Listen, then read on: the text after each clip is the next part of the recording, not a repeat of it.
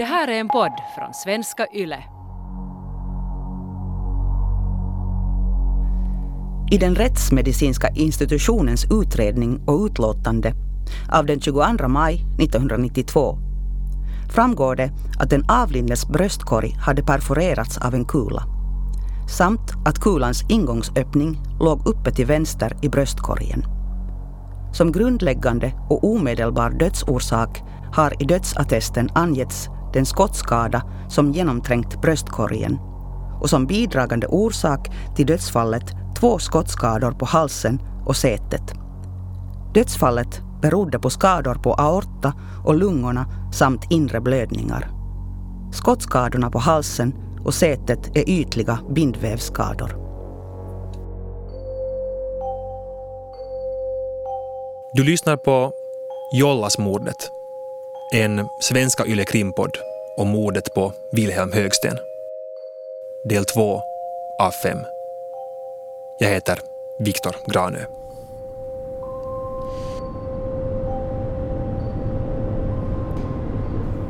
Under sista dagen av coronaavspärrningen av Nyland kör jag förbi vägspärren och vidare de 250 kilometerna till den lilla landsortskommunen Karvia i Satakunta. Jag är här för att besöka Hannu Ratia. Kiitoksia. Tulla keskelle? Hannu bor med sin fru i det som förr var byns postkontor. På byrån i vardagsrummet står foton på barn och barnbarn samt en stor kolorerad målning av Jesus.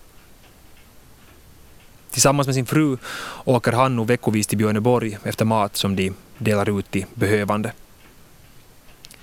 Frivilligarbete av olika slag har Hannu hållit på med ända sedan han kom ut ur fängelse i december 2005. Först var det arbete med synskadade. Ja se on kuule aika jännä tunne, kun näkövammainen antaa sulle pankkikortin ja PIN-koodin. Nosta rahaa. Varkaalle. Att någon kunde anförtro sina tillgångar åt en tjuv. För en tjuv har Hannu Ratia varit. Åtalspunkterna mot honom löper sida upp och sida ner. Stöld av verktyg, stöld av vapen, stöld av bilar, stöld av sprängämnen, stöld av tusen paket juhlamocka och presidentikaffe samt 200 plattor Fazers blå från Maximarkets lager. Mordbrand, bedrägeri, försäkringsbrott, användning av falskt registernummer, döljande och förstörande av bevismaterial.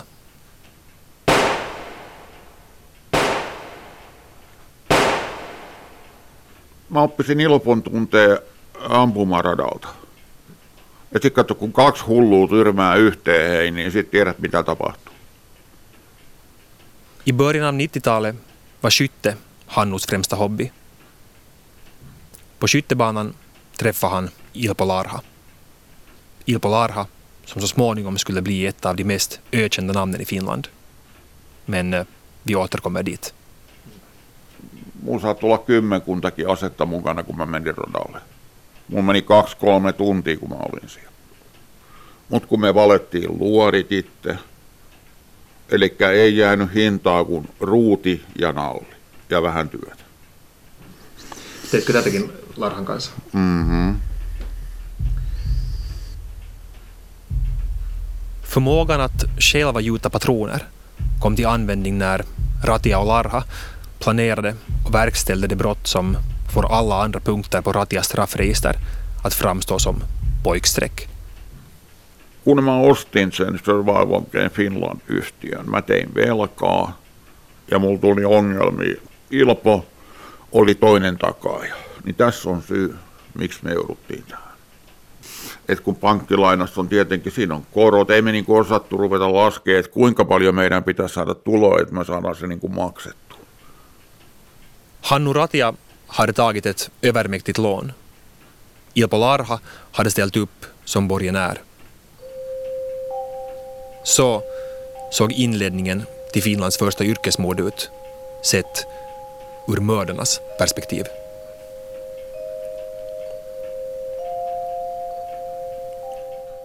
Onko sulle selvinnyt, mit, mitä kautta me tultiin ilmi? Se jäi, mutta sanoa jonkin verran epäselväksi. Okei. Okay. Fred ja Ilpo oli ollut Venäjällä, mm. niiden Fredin tuttavien tykön, ja kännipäissään leveilee sieltä, mitä on tullut tehty.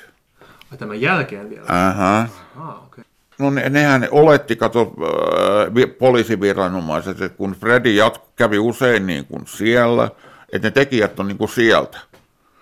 No sitten niitä Fredin ystäviä ruvettiin sieltä päin pistämään kato koppiin, no eihän ne halua olla kopissa, se on syyttömiä. He kertoi, mitä he tiesi. Ja sitten virkavalta takaisin Suomeen ja sitten se oli kenää päivien kysymys. Ilpo otettiin kiinni ja laskettiin vapaaksi, niin silloin mä niin kuin tajusin, että tämä ei pääty hyvin. Että jos pojat olisi pitänyt naamansa kiinni. Jag kan inte bekräfta Ratias berättelse om att Ilpo Larha och Fred Högsten efter mordet skulle ha skrutit om det under en supresa i Viborg. Men eh, det är hur som helst under polisförhören med Freds kaverin i Viborg som eh, Larhas namn dyker upp i utredningen. När Fred Högsten i förhöret den 26 juni 1992 utfrågas om en person som heter Ilpo berättar Fred Högsten att han känner en person med glasögon som heter Ilpo som han hade varit tillsammans med i Viborg och besökt Slava. I förhöret den 30 juni 1992 berättar Fred Högsten om ett besök i Ilpos lägenhet någon gång i april 1992. Fred Högsten hade enligt egen utsago bett Ilpo med som sin livvakt och sade sig vara färdig att betala Ilpo för att min far inte ska dödas. Men polisen pressar på. Du minns kanske Viko och Dima, de viborgska mafiosorna från Freds tidigare förhörsberättelse. Nu, i juli 92, en månad in i rättegången, säger Fred att polisen kan ta hans tidigare förhör, stryka över Vika och Dima och deras ställe skriva in Ilpo Larha. Mordet på den pensionerade affärsmannen Wilhelm Högsten i Jollas i april har klarats upp. En 24-årig taxichaufför från Helsingfors har erkänt att han sköt ihjäl Högsten i dennes hem. Också en 31-årig privatföretagare från Helsingfors har nu åtalats för delaktighet i mordet. Den mördades son står åtalad för uppvigling till mord. Han ska ha erbjudit de mordåtalade 500 000 mark för att mörda Wilhelm Högsten.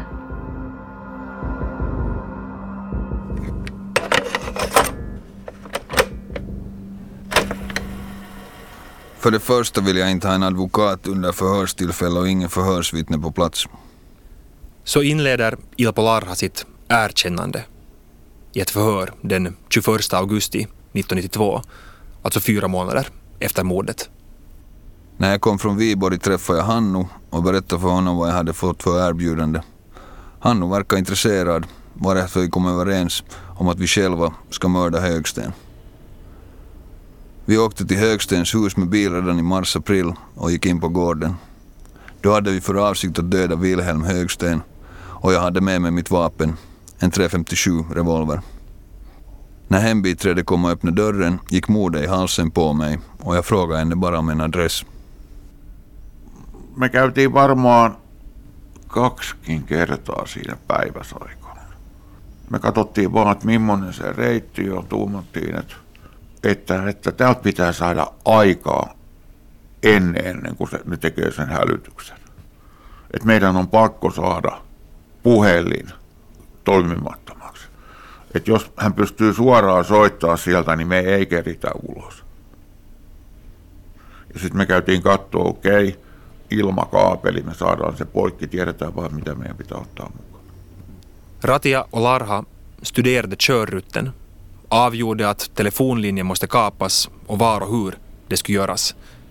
Bytte pipa på pistolen och göt patroner som var tunnare än pipan för att undvika räfflingsspår och skaffade falska registerplåtar till bilen.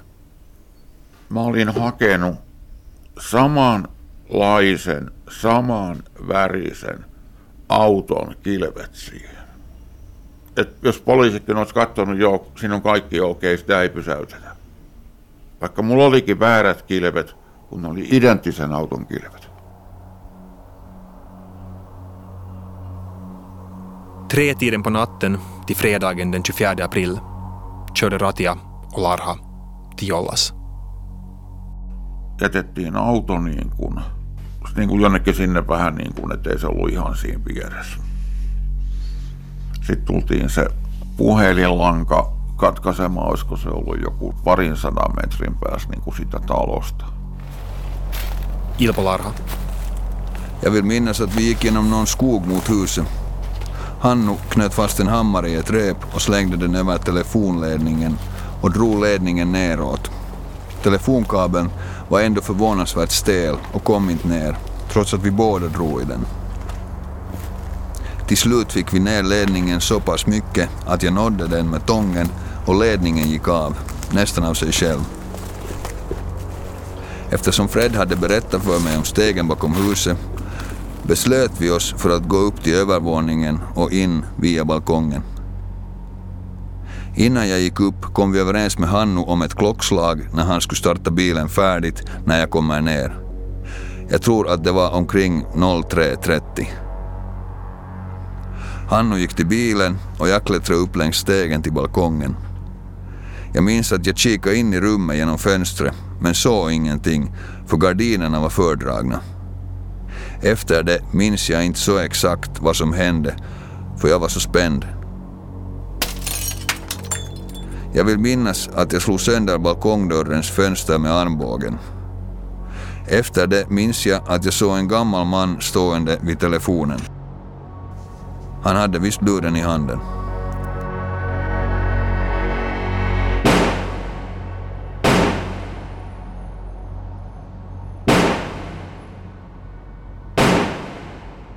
Sitten mä kuulin laukauksen, mä että aha. I det skedet sköt jag i snabbt tempo mot mannen och såg att han träffades av ett skott i ryggen eller i baken. Jag kan inte säga hur många skott jag sköt, men jag tycker att jag sköt så många gånger tills det hördes ett tomt skottljud. Jag minns inte om jag sköt från dörren eller om jag var i rummet eller om jag sköt med en hand eller två. Det jag minns är att mannen på något sätt flög omkull efter ett skott. Efter det här klättrade jag mycket snabbt ner för stegen och gick till bilen där Hannu väntade på mig. Hannu körde min bil till Igelkottsvägen. Därifrån körde jag hem. Hannu tog mitt vapen och alla andra saker vi använde den natten. Följande dag träffade jag Hannu Seuraavaa päivää me sitten hävitettiin ne kilvet, siivottiin auto, pestiin, vaihdettiin renkaat. och då tvättade vi min bil inuti och utanpå på Gungvägens Finoil i Gårdsbacka.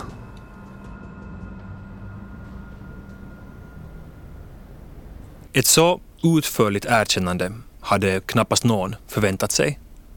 Inte heller Ilpo Larhas försvarsadvokat, som i rätten understryker att ett erkännande inte räcker som bevis när det gäller mord. Det som inte blir särskilt klart är Fred Högstens roll i det hela. Och det blir bara grumligare och grumligare ju mer Fred Högsten själv får uttala sig. Det var så att i januari 1992 när jag gick till Larha berättade han att han har skulder. Att han har tecknat ett växelborgen för Ratia på 100 000 mark. I det här skedet förklarar Larha att Ratia inte gjort något för att betala den. Larha tog bössan från bokhyllan, blåste i pipan och sa att eh, jag måste använda bössan eftersom inget har hänt. Jag sa till honom att jag kan ta hand om växeln, att min bok troligtvis säljer så bra att jag kan betala den. Eh, jag var full av optimism beträffande min bok och erbjöd mig betala växeln för att inte Ratia skulle hamna i himlen. Domaren. Var Ratia er bekant? Nej, Varför ville ni skydda Ratia? jag ville skydda Larha. Eftersom om han går och skjuter Ratia kan det bli problem för Larha. I ett senare skede av diskussionen samma kväll sa Larha plötsligt att han skulle kunna skjuta min farsa. Hur förhöll ni er till tanken? Jag tände inte så värst. Men å andra sidan, I samband med den diskussionen frågade han mig om Jollas, eh, bland annat var min eh, far sover och jag berättade för honom att han sover i husets andra våning. Jag förklarade hur man kommer dit via balkongen. Jag förklarade för honom hur man kommer till balkongen längs stegen bakom huset. men å andra sidan, Eftersom jag tyckte att Ilpos attityd var skrämmande lovade jag honom under diskussionen 30 000 mark om han inte dödade min far. Men han visste att jag inte hade pengar. att Fred Högsten skulle ha lovat Larha pengar för att inte skjuta hans far låter väl mest som ett desperat och förvirrat försvar. Men å andra sidan bekräftar Larha i rätten både att Fred aldrig erbjudit honom några pengar för mordet och att Fred tvärtom erbjudit pengar för att Larha inte skulle mörda Wilhelm Högsten. Fred Högsten fortsätter. Ähm, När jag försökte förklara för Larha att han skulle avstå äh, tog han det inte riktigt på allvar äh, utan sa snarare att visst ska det göras. Jag förklarade för honom att det kommer att bli en katastrof om det görs och att det är helt och hållet ditt eget projekt. Att jag inte har något med det att göra. Eh, Jag, jag ville inte att det skulle ske. Åklagaren. Tänkte ni inte på att vända er till myndigheterna? Min telefon var stum. Fanns det inga andra möjligheter än telefon? Problemet är det att om jag hade vänt mig till myndigheterna hade det varit en bra idé. Men när jag har såna bekanta som Larha och vänder mig till myndigheterna har jag en gång för alla skämt ut mig. Jag, jag medger att jag borde ha vänt mig till myndigheterna. Men det passar inte riktigt i det där gänget. Situationen som ni nu befinner er i är inte lika skamlig. Mm, Det hade varit en bättre idé.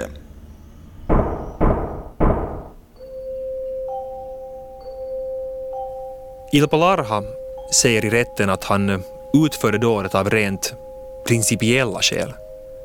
Eftersom Freds läkarkompis Slava Bulin och den viborgska maffian hade hotat Larha. Men å andra sidan säger Larha också att han aldrig hade för avsikt att skjuta Wilhelm Högsten, utan att alltihop bara var ett spratt. Ett spratt på Hannu Ratias bekostnad. Det sprattet får vi återkomma till. Mikä oli sun käsityksesi Högstenin kanssa tehdystä sopimuksesta? Mä en, mä en ole keskustellut Högstenin kanssa siitä sanakaan. Että se on ainoastaan niin kuin toisen osapuolen kertomaan siitä. Hannu Ratia trodde att det fanns en överenskommelse mellan Larha och Fred Högsten. Själv såg han inte Fred förrän i rättssalen. Och då var det för sent.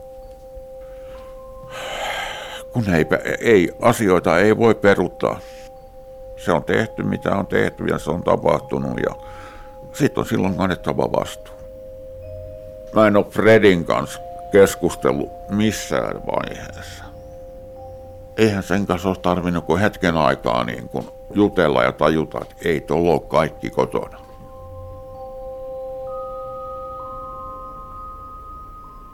Så hur skyldig är egentligen Fred Högsten? Är han överhuvudtaget frisk nog att vara skyldig? Vad förde honom fram till den här situationen? De frågorna försöker vi besvara i nästa avsnitt.